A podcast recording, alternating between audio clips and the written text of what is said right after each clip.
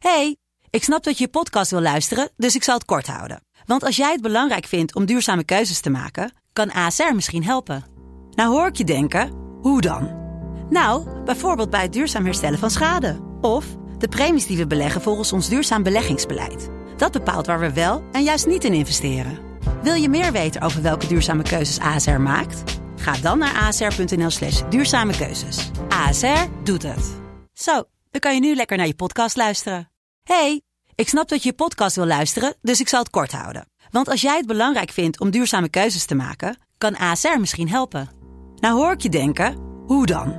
Nou, bijvoorbeeld bij het duurzaam herstellen van schade. Of de premies die we beleggen volgens ons duurzaam beleggingsbeleid. Dat bepaalt waar we wel en juist niet in investeren. Wil je meer weten over welke duurzame keuzes ASR maakt? Ga dan naar asr.nl slash duurzame keuzes. ASR doet het. Zo, dan kan je nu lekker naar je podcast luisteren. She's crazy like.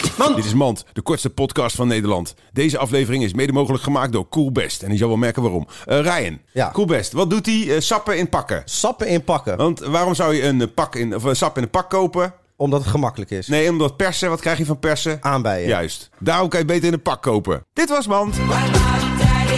Want